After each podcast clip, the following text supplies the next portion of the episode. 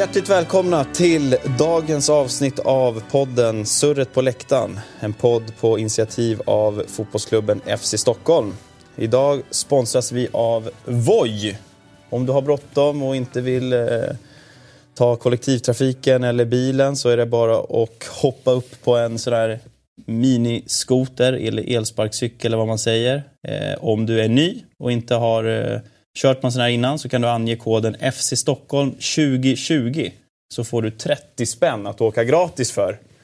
Vad säger du om det? Dagens gäst förresten, välkommen Gusten Dahlin. Ja, det var ungefär vad mitt kvitto låg på i morse. Ja, jag, jag tog, tänkte det. Jag Kan... tog vojen till, eh, till studion här. Ja. Nej, men det är väl kanon. Eh, det är sällan man eh, jublar över eh, vojarna när man sitter bakom ratten på bilen. Nej.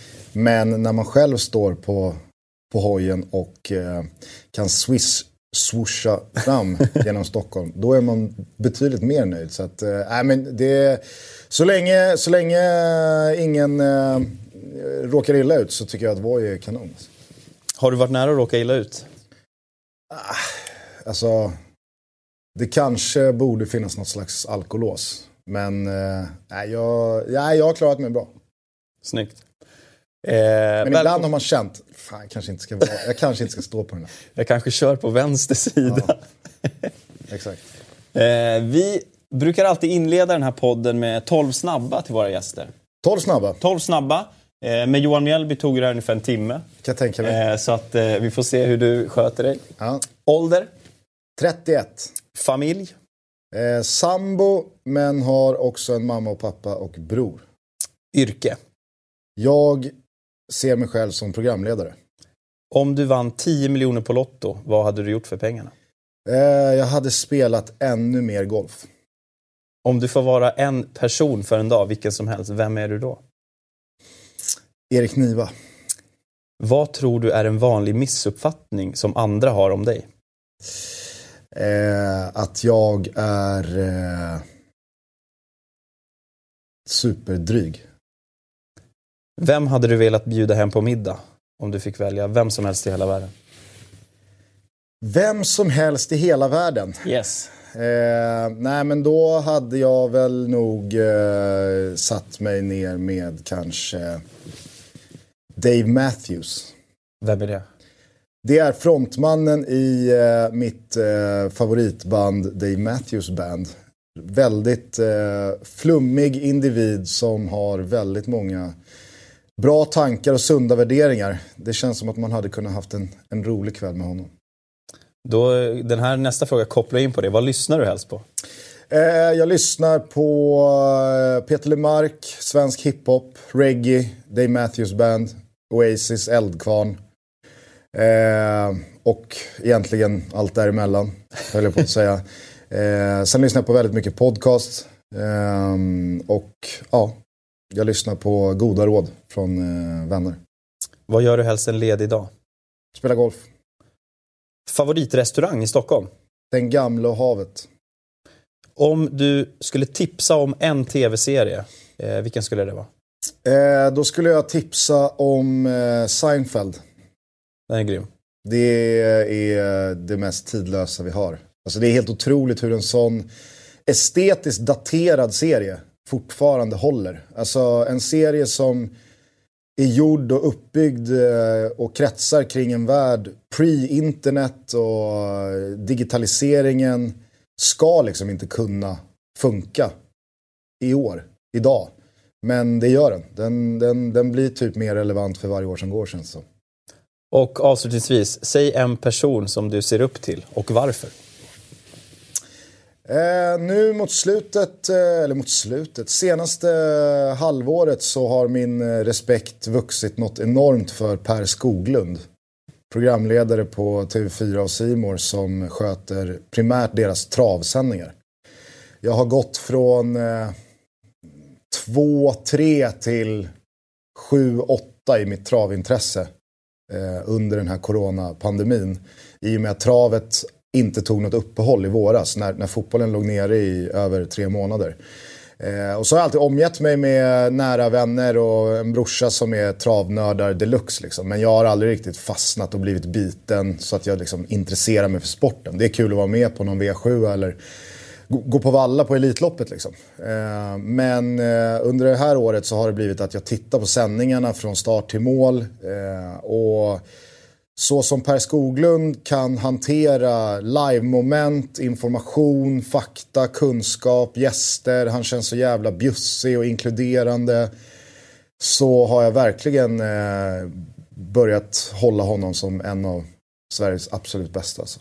Snyggt! Killa hyllning. Ja, det gillar man ju. Det förtjänar han. Ja, riktigt grymt. Så där, det var de där 12 snabba.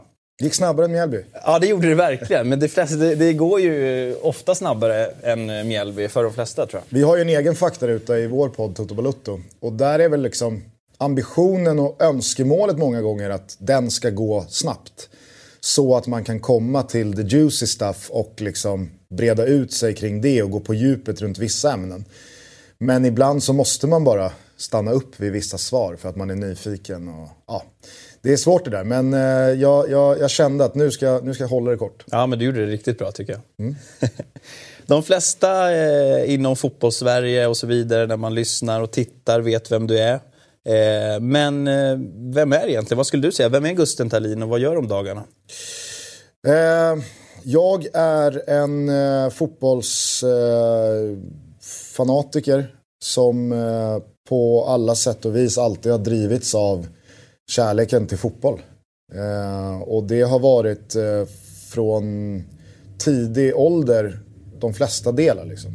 Det har både varit eh, utövandet och det har varit eh, fascinationen kring eh, det taktiska spelet och jag har eh, tidigt eh, haft en förståelse för den större liksom scenen. Eh, jag har genom min pappa eh, väldigt många familjevänner som kommer liksom från eh, de finaste uppdragen i Sverige. Tommy Söderberg är till exempel en, en väldigt kär familjevän. Så att, att ha liksom förbundskaptenen så pass nära familjen och mig som tioåring gjorde att det blev, hela, alltså det blev från starten en, eh, närhet till eh, hela apparaten fotboll snarare än att man bara var i sin bubbla som 11-åring och lirade med polarna.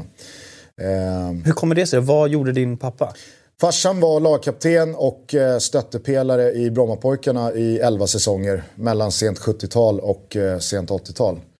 Ehm, så han, han hade väl förmodligen tror jag, han är väldigt ödmjuk och modest.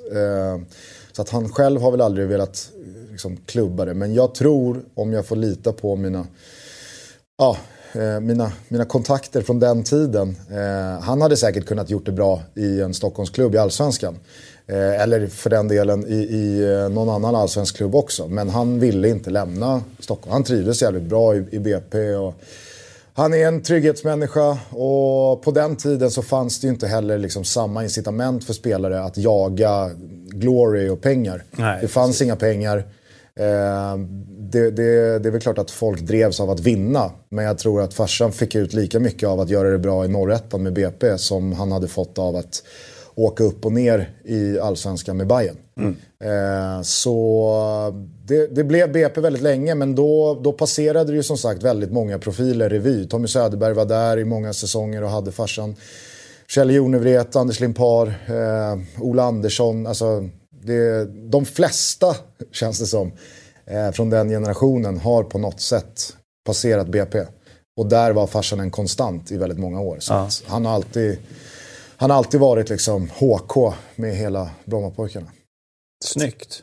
Det, mm. det är imponerande. Det, sånt där inger ju respekt tycker jag. Det är ju en annan vi lever ju i en annan tid nu. Verkligen. Eh, när, det gäller, när det gäller hur man ser på karriärer på fotbollsspelare. Ja, verkligen. Nej, men så med det sagt så, när det tog slut för mig eh, skademässigt Eh, så fanns det hela tiden ett, grund, ett så pass grundmurat intresse och 0% tvivel att det är fotboll jag vill jobba med.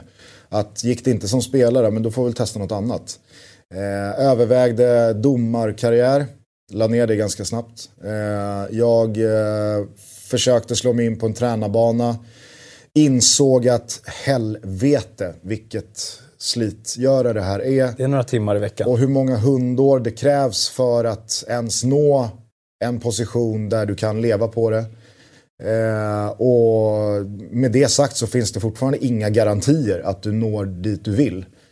Eh, så att eh, ganska tidigt eh, så insåg jag att ja, men, fan, med, den mediala banan lockar. Jag tror att den passar mig. Jag har eh, alltid eh, tyckt att eh, det är roligt att hålla på med eh, radio. Jag, jag och min brorsa har gjort liksom, radioprogram när vi var små. Vi har monterat upp någon videokamera och kört tipsmorgon på lördagar. Jag med Stryktipset och Isak med V75. Och det, jag har gjort egna tidningar och det, det har liksom alltid funnits med. Ja. Eh, så jag hamnade på en utbildning på Södertörns högskola som heter journalistik och multimedia.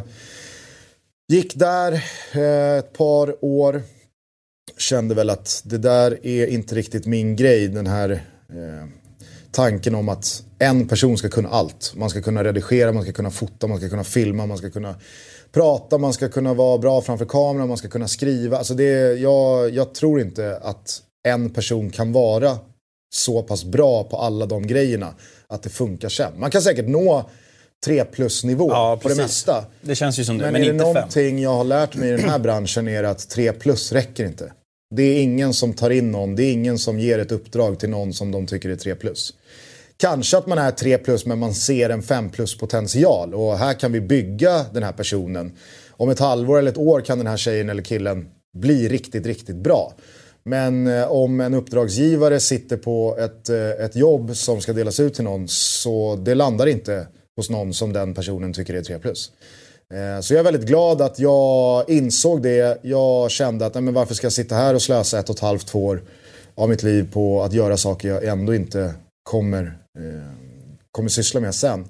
Och i samma veva så korsades mina vägar med David Fjell, Fan-TV, Dobb.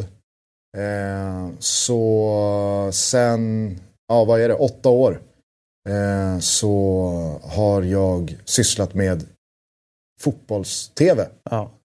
Om, om jag plockar upp en tråd i det där då. Hur viktigt är eh, utbildning i det yrket eller det du utövar? Liksom? Hur mycket en känsla, hur mycket... Det känns ju som du drar mer nytta av din utbildning om man säger uppväxtmässigt och ja. intresse än vad du gör av dina år på Södertörns högskola. Verkligen. Nej, men det, alltså, samtidigt så är väl det, det är en jättesvår eh, balansgång för jag tror att eh, många underskattar själva förståelsen för yrken. Eh, genom att bara sitta i en soffa, plöja fotbollsmatcher och kunna massor. Kunna rabbla en backlinje eller kunna veta vad som är skillnaden på ett 4-2-3-1 och vad som är skillnaden på ett 4-4-2. Det gör inte en person per automatik eh, värd att läsa eller titta på eller lyssna på. Det måste svänga, det måste skapa ett intresse. Alltså, jag tycker att eh, Erik Niva och Bojan Djordjic är ju liksom det, det, är de perfekta ytterligheterna när de sitter bredvid varandra. Du har Bojan Djordjic som kommer från en av de mest intressanta fotbollskarriärerna som finns. Och alla de erfarenheter han har samlat på sig går inte att plugga sig till. Och man behöver inte tycka att Bojan Djordjic är världens bästa på att förklara fotboll eller prata om fotboll. Men det han gör det är att han lämnar aldrig någon oberörd. Och det är ju någonstans det som jag tror tv handlar om. Ja. Att det inte ska bli den här gäspningen och så när du stänger av tvn så undrar du vad har jag egentligen sett? Jag kommer inte ihåg någonting som sades. Jag bär inte med mig någonting från det här.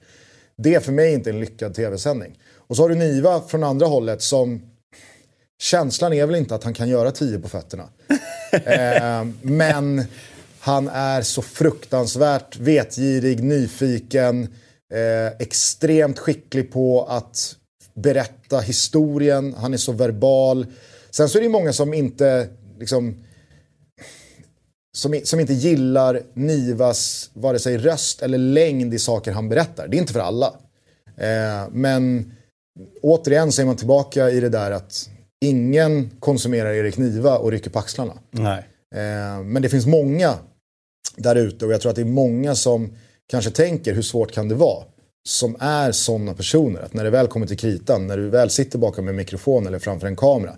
Då är det sarg ut och det är klyschor och det är svårt att koka ner vad som är grejen till en och en halv minut. Eh, du har inte längre tid på dig. Och då blir du en axelryckning. Liksom. Så att, eh, jag vet inte, jag, jag, tror att eh, utbildning är viktigt för att förstå hantverket och förstå eh, både, både vad, som, eh, vad som är viktigt, vad som är oviktigt, men framförallt för att forma en själv. Mm. Det var ju det som hände med mig och jag tror att många andra som jobbar i den här branschen känner igen sig i det. Att det var utbildningar och det var det tråkiga och det man inte höll med om och det var det man tyckte att vad fan är det här? Det fick ju mig att inse vad jag tycker är roligt. Det fick ju, inse, det fick ju mig att inse vad jag är bra på. Eh, vad jag vill hålla på med. Så att eh, jag, jag kan absolut se mig själv sitta i den här stolen utan Södertörn. Men jag tror att mina år där bidrog till att jag sitter här idag. Mm. Eh, kanske inte på det sättet som de sålde in utbildningen till mig. Men eh, alla, alla, alla vägar som når fram är väl bra vägar. Liksom. Absolut, så är det. Om eh, du berättar lite om din egen fotbollskarriär då. Du måste börja tidigt känns det som och lirat upp i Spånga om jag minns ja, rätt. Precis, det var ju givet som sagt att eh, HKs söner skulle spela i Brommapojkarna. Så att Isak som är två år äldre än mig, han är 87 han började, tog sina första stapplande fotbollssteg i, i rödsvart på Grimstafälten. Eh, men eh, av diverse anledningar, dels lite liksom Brommapojkarnas sätt att väldigt tidigt eh, selektera. selektera ja. Men också av väldigt naturliga anledningar att Isaks bästa kompis flyttade. De flyttade till Gläntanområdet. Och i och med det så blev Spånga närmre och sådär. Så, så föll det sig ganska naturligt att att Isak flyttade efter eh, och när det väl var dags för mig då och eh, bästa kompisens lillebrorsa som var min bästa kompis eh, att börja, då blev det Spånga. Och sen så var jag Spånga trogen eh, upp i A-laget. Jag var eh, lovande, jag var bra, jag var stadslag och pojklandslagsmässig. Åkte på en jättetung skada när jag var 14-15 eh, som höll mig borta från spel i 17-18 månader. Och det har jag väl insett, eh, inte nu men i alla fall i efterhand, att, alltså, att tappa ett och ett halvt år i den åldern eh, när så pass mycket utveckling sker, sker det, det, det, blir svårt. Sen så är jag mycket väl medveten om att jag inte eh, kanske bara bodde i det där rehabgymmet eh, under de ett och ett halvt åren. Men det är också naturligt. Ja. Fan, man, är, man är 14, 15, 16 år. Kan man inte spela fotboll eh, då, då är andra saker roliga att syssla med på helgen. Och även fast det inte blev någon vidare spelarkarriär för mig så hade jag aldrig velat ha någonting ogjort eh, vad gäller eh, mina vänner, mina barndomsvänner, alla resor vi har gjort, allt roligt vi har upplevt tillsammans. Det kanske var på bekostnad av vad vet jag, tre säsonger i superettan. Kanske att man hade nått till allsvenskan om jag hade maxat, maxat, maxat. Men eh, det hade jag aldrig velat göra med facit i hand. Nej. För jag vet vilket oerhört jobb som krävs. Jag, jag, jag har liksom fattat med de polare man har som gick vidare och nötte norrettan i fem år. Och till slut nådde allsvenskan. Och, ja, men, ja. Det, det, jag, jag hade inte velat ha de åren mellan 17 och 25. Det hade jag verkligen inte. Eh, det blev sex A-lagssäsonger i Spånga i division 2 och division 3. När vi åkte ur division 2 2009, då kände jag att nej, nu, nu eh, ska jag göra något annat. Eh, I alla fall ett år. Jag hade sparat pengar länge med en polare för att dra till Afrika och ja, men, få uppleva en, en annan dröm. Liksom. Se en annan del av världen och, och ja, vara 20 bass liksom. Så jag drog till Afrika eh, i eh, 8-9 månader. Men när jag kom hem så då ville jag spela fotboll igen. Och då hade Bele Barkarby tagit steget från femman upp i fyran. Tränades av Putte Ramberg som är också mm. familjevän genom BP och farsan. Eh, men framförallt så var det ett gäng där. Det var både kusin, det var kompisar från Spånga, det var, kom, det var barndomsvänner. Det var en perfekt mix av jävligt duktiga fotbollsspelare som var division 2, division 1, superettan-mässiga. Men som alla var runt, ja men vi var väl mellan 22 och 30 och ingen ville träna mer än två gånger i veckan. Men vi tyckte fortfarande det var jävligt roligt att spela match. Eh, så jag klev in där och hade ett av mina roligaste fotbollsår någonsin. Kanske det roligaste av alla. Är det här 2010 eller 2011? 2010. 10, ja. Eh, så jag kom in där i maj någon gång. Eh, och vi gick rakt igenom fyran, vi vann Stockholm Cup. Men i säsongens näst sista match så eh, bröt jag foten. Leder med 4-0 mot Tyresö. Eh, jag slår en passning som genomskärare i djupet. Eh, och så möter en mittback mig med öppna sulor. Och eh, ja, knäcker foten på mig. Får inte ens frispark för att passningsmottagaren var offside. Nej, det var så jävla surt. Och sen så... Jag kom aldrig tillbaka från den skadan. Ehm, jag jobbade på Bromma flygplats at the time som lastare. Men som timanställd, för jag pluggade samtidigt. Och hade således ingen backning från Försäkringskassan att få ut några pengar.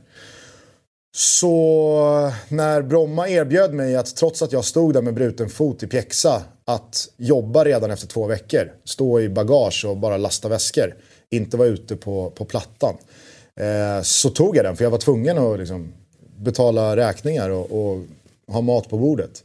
Men det kan jag säga, är det någonting jag ångrar från min fotbollskarriär så är det att jag inte bara lånade 30 lax av morsan och farsan och låg hemma i åtta veckor eh, och skötte den läkningsprocessen som mm. den skulle. Det är det enda jag ångrar från min fotboll.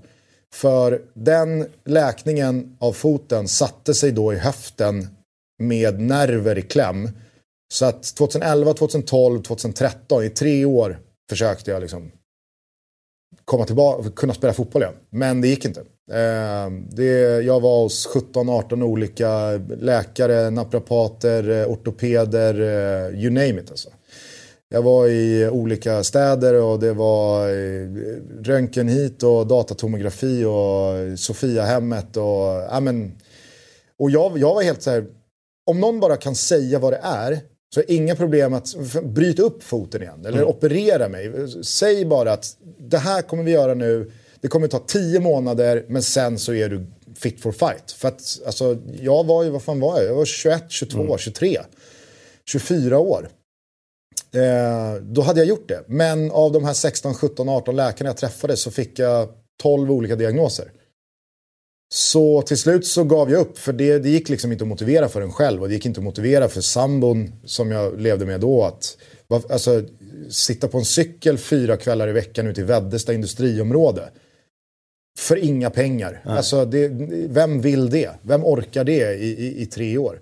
Så att, äh, det, det, är det enda jag ångrar och det är min stora sorg i livet att jag inte kan spela fotboll idag. För att idag, jag kan, jag kan, inte, jag kan inte skjuta en boll längre än 30 meter utan att det gör för jävla ont i höften. Och det känns av då i 3-4 dagar. Liksom. Ja. Eh, för hade jag bara kunnat så hade jag spelat fotboll tills jag var 40. Det, det är det bästa jag vet. Men nu, ja, jag, nej, det, är, det är så jävla tråkigt. Ja. Istället kommer du in på journalistkarriären där. Hur, berätta om den. Hur, hur kommer den ingången? Som sagt, David Fjell sträckte ut en hand. Han hade väl fått upp ögonen för mig. Han är jävligt duktig på att eh, hålla örat mot trottoaren eh, i vad som händer eh, på gräsrotsnivå. Eh, det kommer väl mycket från eh, ja, men hans egen karriär. Att det, det, var så det startade även för honom med svenska fans och fan-tv och, och sådär. Så att, eh, han är väldigt bra på att eh, på, på snappa upp ifall någon gör det bra där ute. Oavsett om det är via text eller tv eller ljud. Eh, så att han bjöd in mig till eh, Eurotalk, ett av eh, fan-tvs långkörarprogram. Eh, han tyckte väl att jag gjorde det så pass bra att han bjöd in mig igen. Och han bjöd in mig igen och efter tredje programmet så sa han att du borde komma hit och jobba med oss. Eh, för jag tror att du kan göra det jävligt bra även bakom kameran i vårt gäng. Eh, I att bygga de här sändningarna. Och bygga de här programmen och göra egna idéer och leva ut den grejen. Sen kan du, du kan du kan bli programledare och du kan bli reporter. Så här är en, här är en plantskola där vi, där vi har jävligt fria tyglar och där vi, där vi har jävligt roligt och, och där vi tror på personer som har ett driv. Vad känner du då? Det måste ju varit en fantastisk äh, men alltså, bekräftelse och ja, chans. Liksom. Ja, äh, men jag vill minnas att eh, samtidigt som det här så hade vi nått eh, kursen på Södertörn där det skulle byggas en app. okay. Och jag kan liksom inte, alltså om, eh, om jag inte får igång en TV. Jag kan inte installera en ny TV liksom. Alltså det är ju helt, det är min tekniska nivå. Eh, så när, när, eh, när jag vet att David har sagt så och jag dagen efter sitter i ett klassrum där liksom, nu ska vi bygga en app. Då sköt jag ut stolen och sa, nej, det ska vi inte. Tack för mig, tack och hej. Eh, och så åkte jag hem från, från Flemingsberg. Eh, och checkade in på Nybrogatan som Dobb satt på då. Och sen dess har det bara rullat på. Jag hade jävligt roliga år eh, med, med Dobbgänget eh, och med fan-tv. Eh, at the time så var det lite liksom det var, lite, det var väldigt sömlöst mellan Dobb, fan-tv och svenska fans. Idag är det väldigt liksom, tydligt separerat och man har gått åt olika håll. Men då var, det, då, då var svenska fans väldigt mycket samma sak för mig. För vi satt ihop och det var Stampen och Fredrik Pavlidis var chefredaktör och Micke Fahlstedt som vi ser spexandes utanför studion här nu. Eh, han var ju tillsammans med David Fjell. Eh, de två som, ja men som, ja, ja de att tacka för allt liksom. Eh, sen vet jag, det har Micke och David alltid varit tydliga med, liksom, att vi ger chanser. Men vi kan inte ta chanser åt någon. Så jag vet ju samtidigt att jag har, jag har tagit chansen. Ja, jag har gjort absolut. det bra. Det är liksom, jag sitter ju inte här för att David Fjell har så pass inflytande i Mediasverige att han kan säga att trots att den här killen är värdelös så ger han ett till kontrakt eller ger han ett nytt uppdrag. Eh, men därifrån så rullade det på. Eurosport och Expressen. Eh, väldigt mycket eh, Anders Netterblatt som idag är tillbaka i Dobb. Han var ju då på Expressen. Han hade liksom samma koll på vad som händer i svenska fansvärlden och fan-tv-världen i sin roll på Expressen. Så att jag, liksom många andra, eh, testades i Expressens miljö. Eh, Eurosport eh, satt eh, då tillsammans med svenska fans för båda gick under stampen. Eh, så att Eurosport eh, snappade upp mig och i samma veva så köpte Discovery upp Eurosport. Så då var liksom vägen in till Discovery ganska kort. jag vill minnas att det var Nora Henriksson som tackade nej på grund av barn, alltså barnafödsel, ja. till handbolls-VM. 2015 eh, i januari. Eh, och då så hux flux så öppnas det en möjlighet för mig att, men vill du vara reporter, vill du vara liksom Patrik Ekwall på linjen eh, första gången som Discovery kör ett handbolls-VM. Och det var, det var ju liksom... Det är självklart för Gusten Dahlin att tacka ja till det, eller? Absolut. Ja. Det, var, det, det, det, var ju bara surrealistiskt liksom att gå från Ja, men, sitta i Södertörns klassrum och tacka nej till att bygga en app till att mindre än två år senare, eh, jag vet inte, spela, spela squash med Jubomir Vranjes på morgonen under ett handbolls-VM i Qatar. Eh, så äh, men det, det, rullade på och sen eh, så, så, gick det egentligen spikrakt uppåt fram till EM 2016.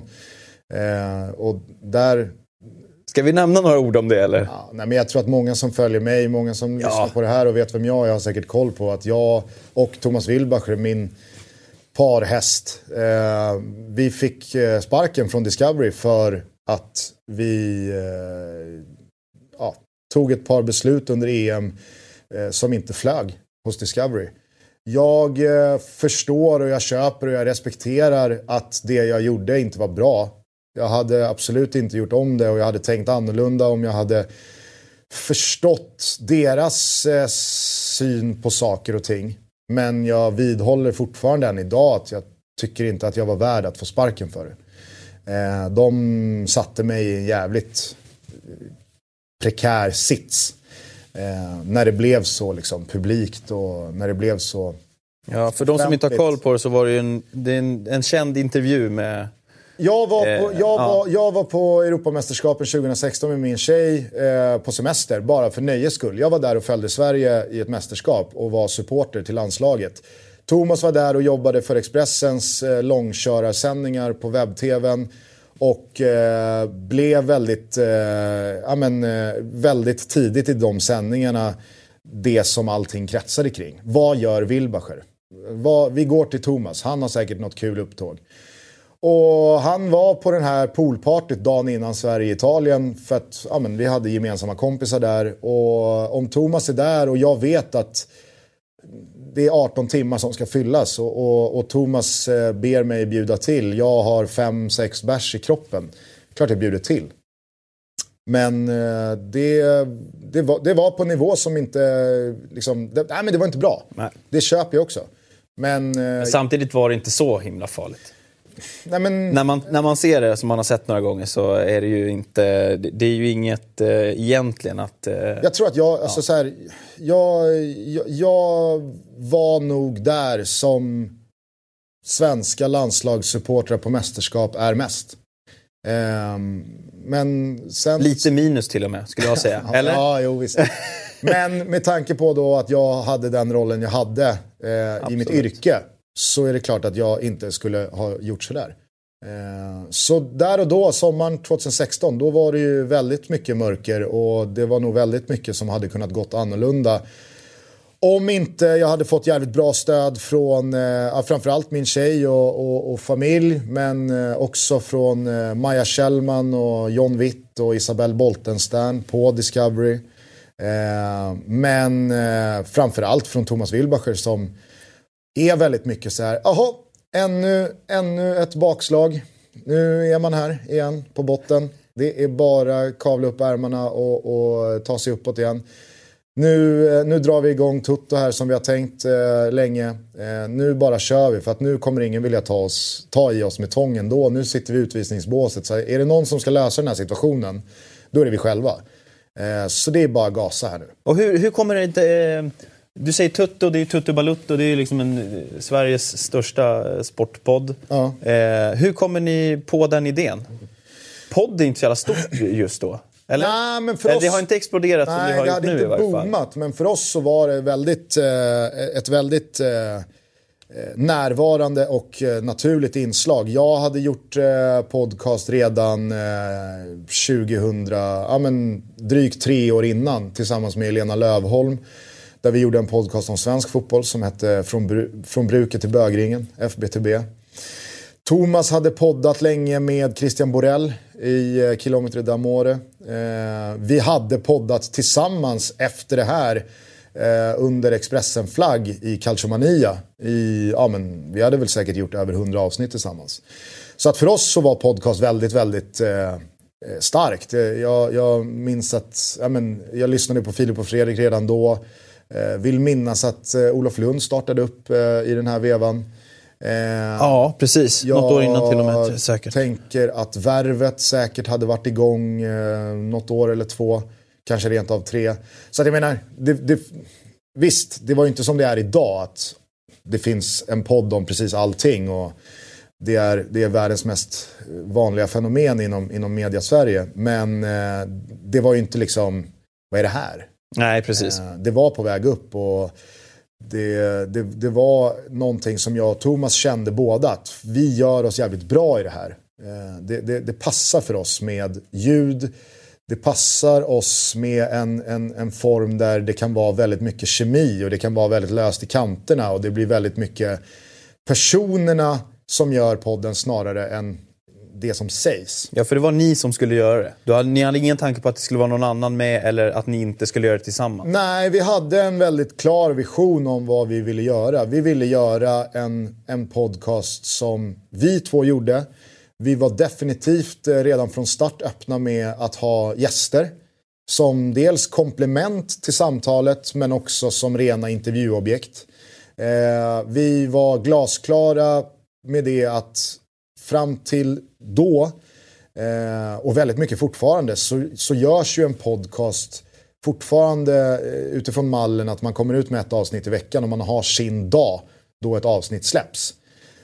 Men vi har liksom, eh, vi har alltid tyckt att fotboll är en så pass tydlig färskvara. Att man kan inte hålla på och prata om saker som hände för fyra, fem dagar sedan för folk, folk har gått vidare. Mm. Alltså jag sitter inte och tänker på, okej okay, ibland, exceptionella grejer såklart.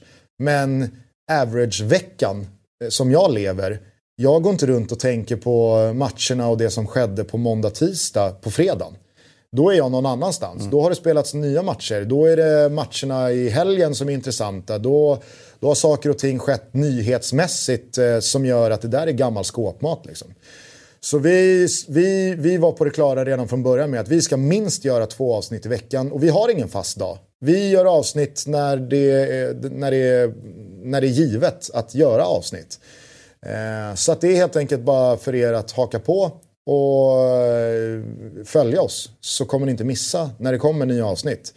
Drar Zlatan korsbandet, det använder vi väldigt tidigt som liksom en, en förklaringsmodell till vårt vision. Ja. Att drar Zlatan korsbandet på torsdagen, då ska vi komma ut med ett avsnitt på fredagen. Och så skedde ju det bara ett knappt år senare. Eh, och mycket riktigt så var vi ute med ett avsnitt morgonen efter. Ja. Då vill inte vi liksom vara sist på bollen med det sex dagar senare och prata om det då. Eh, så vi skrev väl om reglerna lite och, och, och, boken för hur man gör en, en, eh, en, en podcast.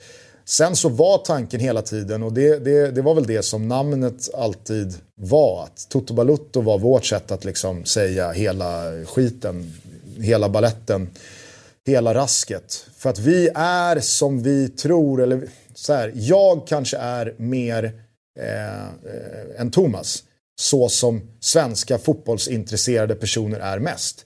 Man tycker det är kul med fotboll in general. Liksom. Jag tycker det är roligt att följa allsvenskan. Jag tycker det är jätteroligt att följa Premier League och Serie A och La Liga och Bundesliga. Och svenskarna är utomlands och jag följer landslaget och jag kollar Champions League och jag kollar Europa League. Och jag, jag gillar att plocka från alla hyllor. Liksom. Mm. Thomas är lite mer nischad eh, Italien såklart. Men han har samtidigt också eh, ett intresse i fotbollen i stort. Och det var vår tanke. Att okej, okay, det, görs fotboll, det görs fotbollspoddar om Premier League och det görs fotbollspoddar om AIK eller IFK Göteborg.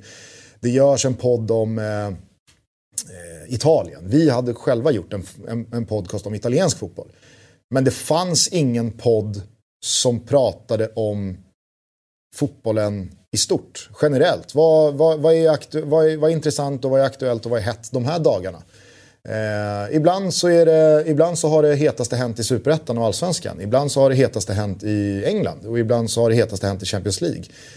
Och det var vår, vår Tror du det är det som har varit framgångsreceptet i och med att den har blivit så stor och så populär? Jag tror att det är, liksom, framgångsreceptet är nog tredelat. En del är det, att det finns någonting för alla där. Mm. Eh, är du fotbollsintresserad så är Toto Balutto en podcast för dig. Det tror jag verkligen. Sen så kommer du inte alltid, om du är stor Örgryte-supporter, det är många avsnitt som du kommer gå bet på liksom ÖIS Det är inte ÖIS i varje snack. Nej. Men är du en Örgryte-supporter som utöver det kollar Champions League på tisdag och onsdagskvällarna eller eh, spelar ett stryktips och kollar engelsk fotboll på lördagar eller eh, ser Zlatans matcher på söndagskvällen. Ja, men då, du kanske har en uppfattning om landslaget eller vad det nu är. Då, då, då kommer du liksom ha kul med oss.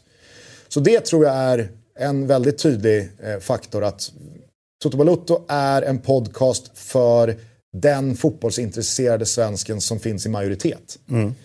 Eh, sen så tror jag att en annan väldigt stor del till framgången är just det som podcast är skapat som. Det är liksom en, det är, det är mer ett medium för kemi mm än någonting annat. Och där har jag och Thomas, ja men där, där tycker jag att vi är bra. Liksom. Jag tror att folk som gillar oss och folk som tycker det är uthärdligt att lyssna på oss tror jag har jävligt roligt. Jag tror att eh, de tycker att vi är bjussiga, jag tror att de tänker att vi är ganska filterlösa. Jag tror att man också lär känna oss i vår relation genom att lyssna på oss. Och det, det, tror jag liksom, det tror jag är en nyckel för alla bra poddar. Att den eller de som gör en har ett bra flow och lyssnaren känner att fan här flyter det, här, här är det kul, här är det liksom det, det är inte stelt och det är inte hackigt och det, det känns inte manusskrivet. Och, så det, det tror jag är liksom en, en super nyckel. Och sen så, så, så tror jag verkligen att vi har nått dit vi har nått för att vi har tuggat på med minst två avsnitt i veckan mm. i över fyra år nu. Alltså, det är väldigt många som har hört av sig till oss och med liksom samma typ av historia. Att första halvåret, första året, första ett och ett halvt året så hade man liksom av princip att nej men Toto Balotto ska inte jag lyssna på. Det är, man hade någon förutfattad mening om att det där är liksom vad det nu var. Men sen började jag lyssna och fan, ja nu, ja, sen fastnade jag liksom. Ja. Eh, och det tror jag är just för att det liksom, vi tuggar på, det, vi ligger där hela tiden. Eh, så ja, det är ju ett genuina intresse också liksom. som, är, som ligger till grunden för Annars går det ju inte att tugga. Det går ju inte att tugga om, nej, om men, saker man inte tycker om nej, tre så, gånger i veckan. Liksom. Exakt. Ja, men det är väl klart att det, det goes without saying tycker ja. jag. Men just det där att vi tar inga pauser. Vi, vi, går, vi, vi kompromissar aldrig med den takt vi har sagt att vi ska ge ut avsnitt i. Och det där når till slut folk. Mm. Det går att stå emot ett år eller två eller tre men Sen säger inte jag att det går att stå emot som att alla lyssnar och alla älskar det. Jag menar bara att jag tror att ytterst få som är intresserade av fotboll i Sverige har aldrig nåtts av Toto Balutto. Eller liksom hört, vad är det? Nej, det tror jag väldigt få mm. idag säger. Eh, för att alla har någon gång sett det flimra förbi. Alla vet, eller många vet vad det är. Och det, dit tror jag att vi har nått för att vi har gett oss fan på att vi ska pumpa på i den takt mm. vi gör. Mm.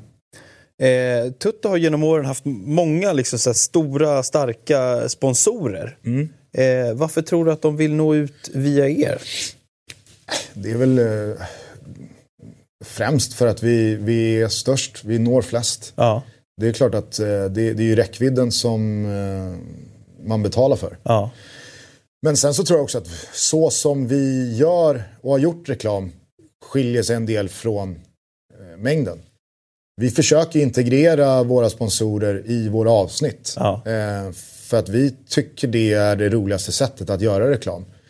Och det tror jag många sponsorer i alla fall har känt har fallit väl ut. Ibland flyger det inte. Men eh, det där har ju också att göra med, med kontinuitet. Jag, jag tror att eh, alltså ska, ska en podd få ett lyckligt och bra eh, äktenskap med en sponsor så är det tid som krävs. Jag, liksom, alla som har lyssnat på Alex och Sigge vet ju fortfarande, alltså så här, tack If. Det, det, det sattes ju inte på tre avsnitt och sen Nej. bye bye If. Utan det var ju liksom, det, det tar tid. Mm. Och det är som vi, alltså vi har ju våra långkörare med, med, med Betsson och med, med Pepsi och Simon har varit med länge. Alltså det är så här, då blir det kul, då kan man leka med det där greppet. Liksom. Ja, precis. Det blir integrerat i tugget. Ja. Som är, ja, så det, det, tror jag, det, där tror jag också vi har varit lite så här, så här kan man också göra det. Ja. Vilken fotboll, du säger Tuttu Balutto, det är hela skalan. Vi känner ju varandra lite grann, jag vet att du kan ju mycket om allt. Men vad kan du bäst, Gusten? Vilken fotboll kan du bäst? Och då tänker jag, det kan dels vara, kan, är det ett land, är det en tidsepok, är det en spelare, är det ett mästerskap? Vad är du vad kan du ställa upp i Vem vill bli miljonär eh, med, med, det temat? Ja, men det är så svårt det där. För att, alltså, jag, jag, kan, jag, jag, jag respekterar de som kan lite om mycket och jag respekterar de som kan mycket om lite. Och jag respekterar sannoliken de som är så här, men jag kan inte rabbla backlinjer från Werder Bremen 2004. För mig är inte det ett mätverktyg i hur mycket fotboll man kan. För mig har det alltid handlat om liksom att förstå hela kretsloppet. Att förstå samspelet mellan eh, en laguttagning, ett styrelserum, en klubbs välmående, vad som sjungs och sägs på läktaren och var eh, klubben är någonstans i tabellen. Mm. Alltså för mig har alltid det varit, det, det, det är en organism det där. Eh, så det finns ju jättemånga som, som, som kan liksom jättemycket om eh, Ja, men om sitt favoritlag Om sitt exempel, favoritlag eller, eller, som kan eh, rabbla hur mycket fakta och, och, och, hårda siffror som helst. Men som har noll förståelse för hur eh, supporterskarorna till den här klubben fungerar eller vad ekonomin i den här klubben gör med eh, truppsammansättningen eller varför den här tränaren inte fick göras. Alltså, det, det, vad är att kunna saker om fotboll? Det, det, det, det ligger väl i, i, eh, den som eh, pratar att bestämma. Eh, jag, jag tycker det är precis lika underhållande att lyssna på Martin Åslund prata om taktiska detaljer som att höra Christian Borell orera kring någonting som liksom skenbart inte har någonting med fotboll att göra. Men i hans värld, i hans sinnen och i hans huvud så har det allt med fotboll att göra. Och det som Martin pratar om är liksom för Christian Borell inte ens sekundärt. Det, är liksom, ja, men det kanske kommer på punkt 10 av listan som är, som, är, som är viktigt eller som förklarar den här klubben eller som förklarar det här tillståndet i ett lag. Så att, jag vet inte, det, det, jag, jag, jag, jag hörde din fråga. Jag ska försöka ge dig ett svar. Men jag tror att det jag kanske absolut liksom känner att jag kan bäst, både vad gäller förståelse men också kunskap i rena fakta. Liksom. Om, om, om, du ber mig ställa upp i Vem vill bli miljonär? Då tror jag att jag hade gjort det bäst kring svenska landslaget. Där, där är jag vass. Ja, Men som sagt, alltså, jag, jag följer allsvenskan väldigt nära, inte minst Stockholmslagen. Eh, jag, jag håller på Roma, det är det enda laget jag supportar. Så att jag, jag följer Serie A extremt nära. Jag jobbar med Serie A, jag jobbar med La Liga. Eh, jag jobbar och är extremt nördig vad gäller Premier League. Alltså på nivån att jag har koll på vilka som är skadade i Crystal Palace. För det gör jag tillsammans med Jesper Hoffman och, och Björn Jonsson i Fantasy Premier League. Och det är ett spel som under säsong ockuperar mitt sinne eh, och tar över mitt välmående mycket mer än vad jag vill. Men det, det är som en drog det spelet. Att eh, jag, jag, jag måste liksom sätta mig in i, i, eh, de, situation, i de situationerna i alla lag. Men där är det väldigt mycket enkom sportsligt. Mm. Där är det ju betydligt mindre liksom de, de större frågorna. Jag, jag brinner inte personligen för att liksom tugga ägandesituationen i Nottingham Forest. Det, det får ni skriva om i en lång text så läser jag den. Precis. Men att liksom, jaha, vad händer här nu då? Noah Bachner får förklara när någonting är klart med vad fan som händer med Mike Ashley out och Saudiarabien in. Liksom. Jag själv konsumerar inte det och lusläser varje grej. Liksom, utan det överlåter jag till de som kan det bättre. Och så konsumerar jag mer än gärna det de har att berätta om den situationen. Eh, så att, ja, jag vet inte om det var svar på frågan. Det var ett mycket bra svar tycker jag. Om vi går lite framtid. Mm. Eh, du har fått eh, äran att den här nya storsatsningen, TV4 Simor eh, med lite pinpointade matcher, eller vad säger man, från olika typer av ligor. Eh, berätta ja. lite om den. Nej men Simor eh, har ju eh, La Liga och Serie A även kommande säsong.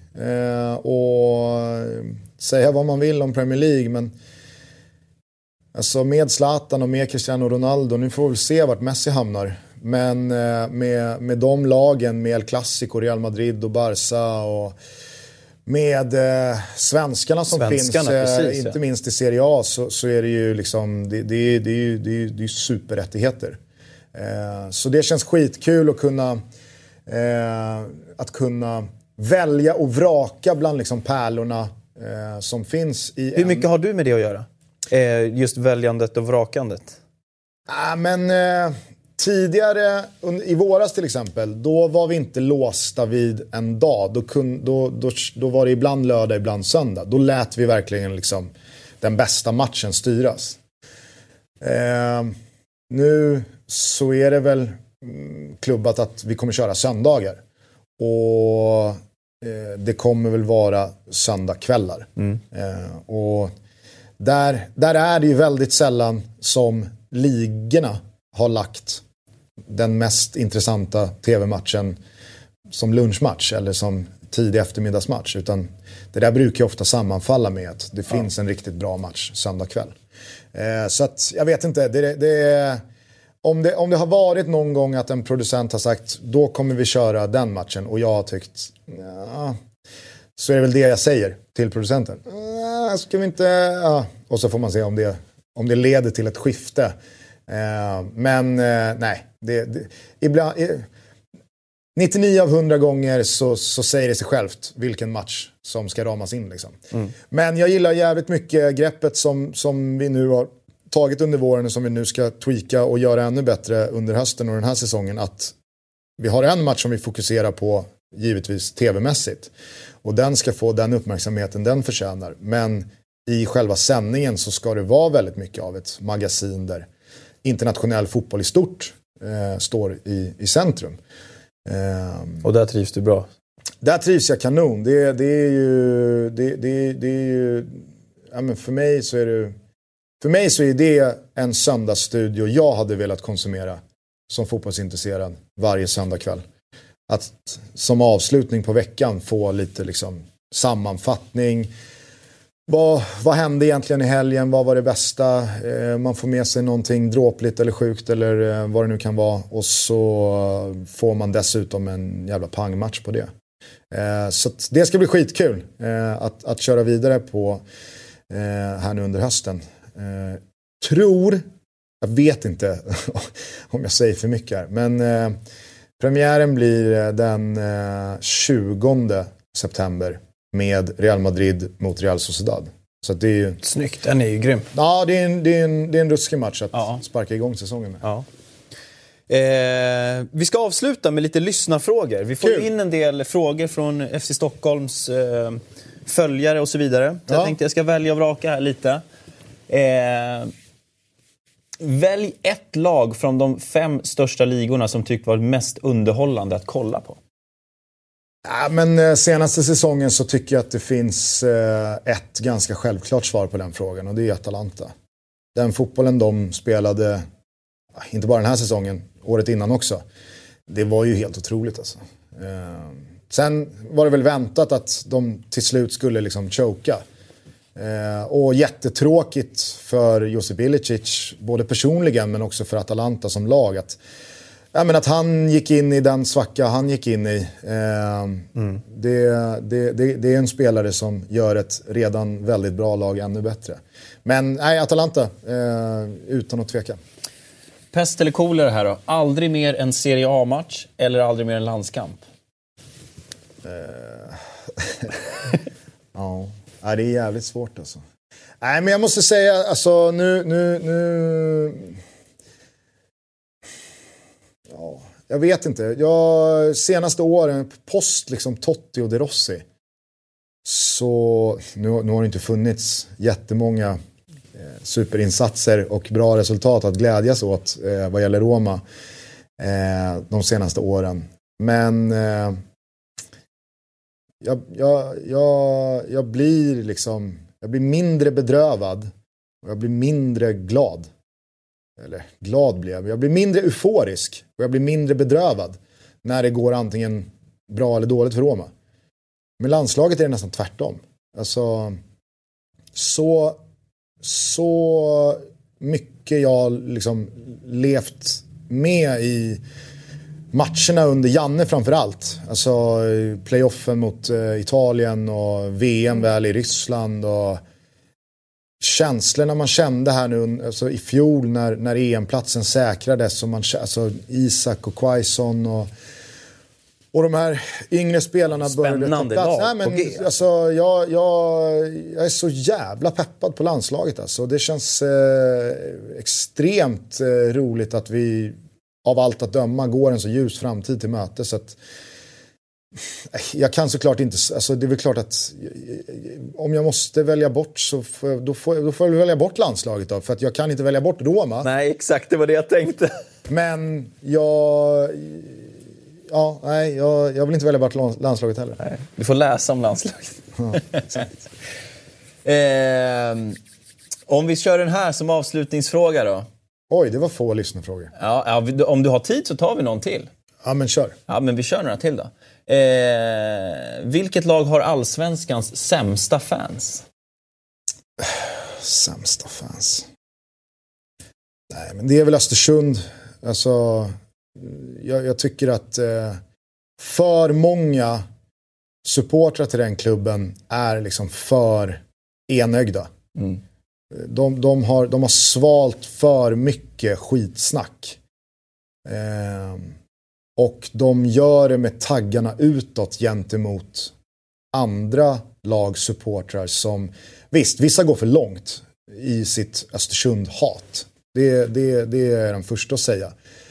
Men, men, men, men det är fullt naturligt och fullt rimligt att majoriteten på en rimlig nivå är skeptiska och ifrågasättande och liksom anti. Som mm. tycker att mygel är inte okej. Okay. Eh, så det finns, det finns säkert många jättevettiga Östersundssupportrar. Men jag har svårt att tro att en annan allsvensk eller en annan etablerad svensk klubbsupportrar hade varit lika unisont liksom eh, köra huvudet i sanden och svälja whatever den styrande personen i klubben kommer med för halvdassiga valser. Eh, Hammarbyare hade varit mer ifrågasättande mot sin egen klubb sin egen, och, och liksom sagt att det här är fel, vad fan vad håller ni på med? Alltså get the fuck out från vår klubb. Ni drar den i smutsen. Vi tänker inte ställa upp på det här. Och det hade AIK-are och IFK Göteborgs-supportrar och Malmö FF-supportrar och Kalmar-supportrar och IFK Norr. Alltså du fattar min mm. poäng. I mycket större utsträckning än vad jag upplever att Östersundssupportrarna gör. Så att, om jag måste svara något så får jag svara dem. Mm. En bra utläggning och en, jag tror ett, eh, en bra diskussion att ta tror jag. Alltså det, eftersom, han, eh, eftersom Kindberg är så förknippad med klubben mm. och har drivit den här klubben så mycket. Ja, jämf jämförelse då med till exempel många, Hammarby. Liksom. Ja, exakt. Nej, men väldigt många supportrar känns duperade ja. av Kindberg. Eh, och de känns förblindade av framgången myglet ledde till. Eller i alla fall tveksamheterna. Nu ska man väl eh, alltid låta fastställda domar efter rättsprocesser gälla. Eh, men jag, jag, jag tror att vi alla vet att 100% rent mjöl har inte varit på påsen som ledde fram till eh, alla framgångar. Liksom. Nej, precis. Den här då, den är, den är tuff. Vem skulle du byta Thomas Wilbacher mot som partner i podden om du var tvungen att byta ut honom? Ja, vem hade man bytt ut honom mot? Jag vet inte. Det finns ingen som Thomas. Jag hade inte velat göra det jag gör med Thomas med någon annan. Men eh, om jag måste svara så har jag jävligt roligt och jag tycker har jag jävligt roligt med och jag tycker att Jesper Hoffman är extremt bred, extremt bra, vi har bra kemi. Eh, det hade nog blivit en rolig podd. Men det hade inte varit lika bra som Tutto. Mm. Och han är inte lika bra som Thomas. Vad anser du om debatten dam kontra herr? När det kommer till pengar, när det kommer till sponsring, när det kommer till eh, ersättning för landslaget och så vidare. Eh, jag tycker att man eh, alltså, alldeles för ofta tenderar att blanda ihop vad som är vad i den diskussionen. Jag tycker det är jättebra att man från eh, förbundshåll och att man från distriktshåll och att man från eh, ehm, eh, vad ska man säga, sponsorhåll mm.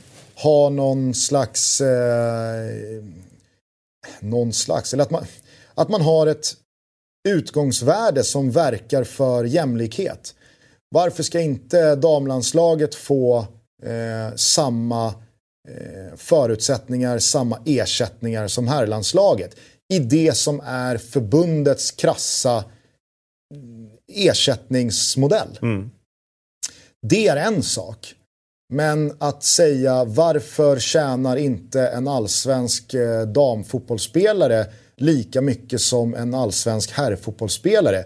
Och det är fel. Det är någonting annat. För det är pengar som drivs från intressen. Från folk. Alltså, det finns en anledning till att det är fullsatta läktare och välbetalda spelare i allsvenskan på herrsidan och att det inte är det på division 2-sidan. Det är för att, det är för att liksom, ingen bryr sig, eller väldigt många färre bryr sig. Väldigt många sponsorer vill inte pumpa in pengar där. Det är helt iskallt med, med att sända de matcherna tv-mässigt. Så att det är en diskussion som drivs av intresse och det är därför jag tycker att de, de större frågorna som signalerar att det måste till en jämlikhet och vi måste verka för att damsidan ska ha exakt lika mycket respekt som herrsidan. Det är det som kommer leda till att det andra förändras också. Men det står 300 pers på en damläktare för att 300 pers vill vara där. Inte 40 000. Mm. Hade 40 000 velat se den där matchen och betala för sig och gå och se den matchen så hade 40 000 gjort det. Precis på samma sätt som att hade 5 000 pers velat se FC Stockholm och betala för sig så hade de gjort det. Men det finns inte 5 000 personer som vill gå och se FC Stockholm och betala för sig. Så att det, det är liksom, för ofta tycker jag att det, det, blir liksom, man klumpar ihop hela den där diskussionen till en och samma. Jag såg eh, Lyons eh, president här nu. Han, eh, han delade ut exakt samma bonus till damlaget som till herrlaget när Lyon gick och vann Champions League på damsidan. Och Lyon gjorde det fantastiskt, fantastiskt och gick till, eh, till semifinal ja, på herrsidan. Det är det som är liksom, det är fantastiskt. Det är, det är det som kommer förändra saker och ting. Att man från högsta ort visar att damfotboll är lika mycket värt som herrfotboll. Tjejers utövande är precis lika viktigt som killars utövande. Man kan inte skylla på dig eller mig eller eh, Kalle Nilsson eller Stina Svensson för att de inte går och kollar på damfotboll eller för att de inte rattar in en dammatch på tv. För det, det, det bottnar i folks liksom, mm. intressen. Det, det, det kan aldrig någon få skit för. Jag kan inte få skit för att jag inte kollar på polsk fotboll. Jag bryr mig inte om på. Alltså jag, jag, jag hittar, jag, Nej, det intresserar inte mig. Nej. Och finns inte intresset så måste intresset inte få finnas för en person. Mm. Men man kan bygga upp det där intresset, man kan göra det relevant, man kan göra det jävligt mycket bättre på alla sätt och vis från andra eh, håll. Och jag menar, kolla bara på, kolla bara på damlandslaget.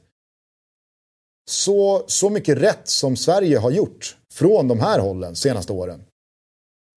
Fan, jag, jag var exakt lika engagerad i de där sändningarna från dam-VM i fjol eh, som jag var från en herrlandskamp i fjol. Mm. För man har gjort så jävla mycket rätt och man har byggt det på... Men, men det är ingen som liksom... Det är ingen som tvingar mig att kolla. Det ja, jag vet inte, det var, det var en lång, kanske ja, men jag tycker du har, du har, något i, du, du, har bra svar där tycker jag ändå. Du, har, du är inne på, på att separera de två frågorna, vilket jag håller med dig om. Helt rätt. Nu kör vi en avslutningsfråga. Okay. Den här är jävligt viktig, Gusten. Ja. Eh, vem tror du vinner Kungsholmsderbyt, seriefinalen mellan FC Stockholm och KB? Oj, och så slänger jag in den här också. Om, jo, det, det, får ju faktiskt komma 50 pers på den och du bor ett stenkast från, mm. eh, eller på Kungsholmen i varje fall. Ja. Kommer du gå på matchen och hur går det? Eh, jag har, ska jag säga, lite för dålig koll på FC Stockholm för att kunna uttala mig rent kvalitativt. Men jag såg Karlberg här för några veckor sedan mot BP i Svenska Kuppen. Vad jag förstod så var det inte Karlbergs bästa lag som mönstrades då. Vilket jag inte fattade någonting av. Jag menar, vad fan möter man ett superroterat Junis-BP i Svenska Kuppen och har chansen att liksom göra en helt otrolig Åshöjden eh, Ja, precis. Resa. Gå till gruppspelet. Varför ställer man inte bästa laget på banan då och, och går all in för att vinna den matchen? Det, det, det fattar jag faktiskt inte.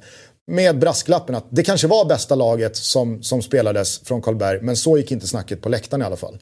Eh, men... Eh, Nej, men jag, jag, jag, jag, jag säger väl att eh, det blir en jämn batalj men där Mjällby piskar upp eh, stämningen och eh, attityden tillräckligt mycket i rödsvart för att ni ska gå segrande ur striden. Grymt. Tack för det svaret. och tack för den här timmen, Gusten. Det var så lite. Det var eh, Jättekul att du ville gästa oss. Eh, jag ska passa på att tacka Dobb 2.0, produktionsbolaget som gör den här podden möjlig. Eh, på återhörande helt enkelt. Tusen tack för att du kom. Det var så lite. Tack för att jag fick komma och stort lycka till i, i derbyt. Tack.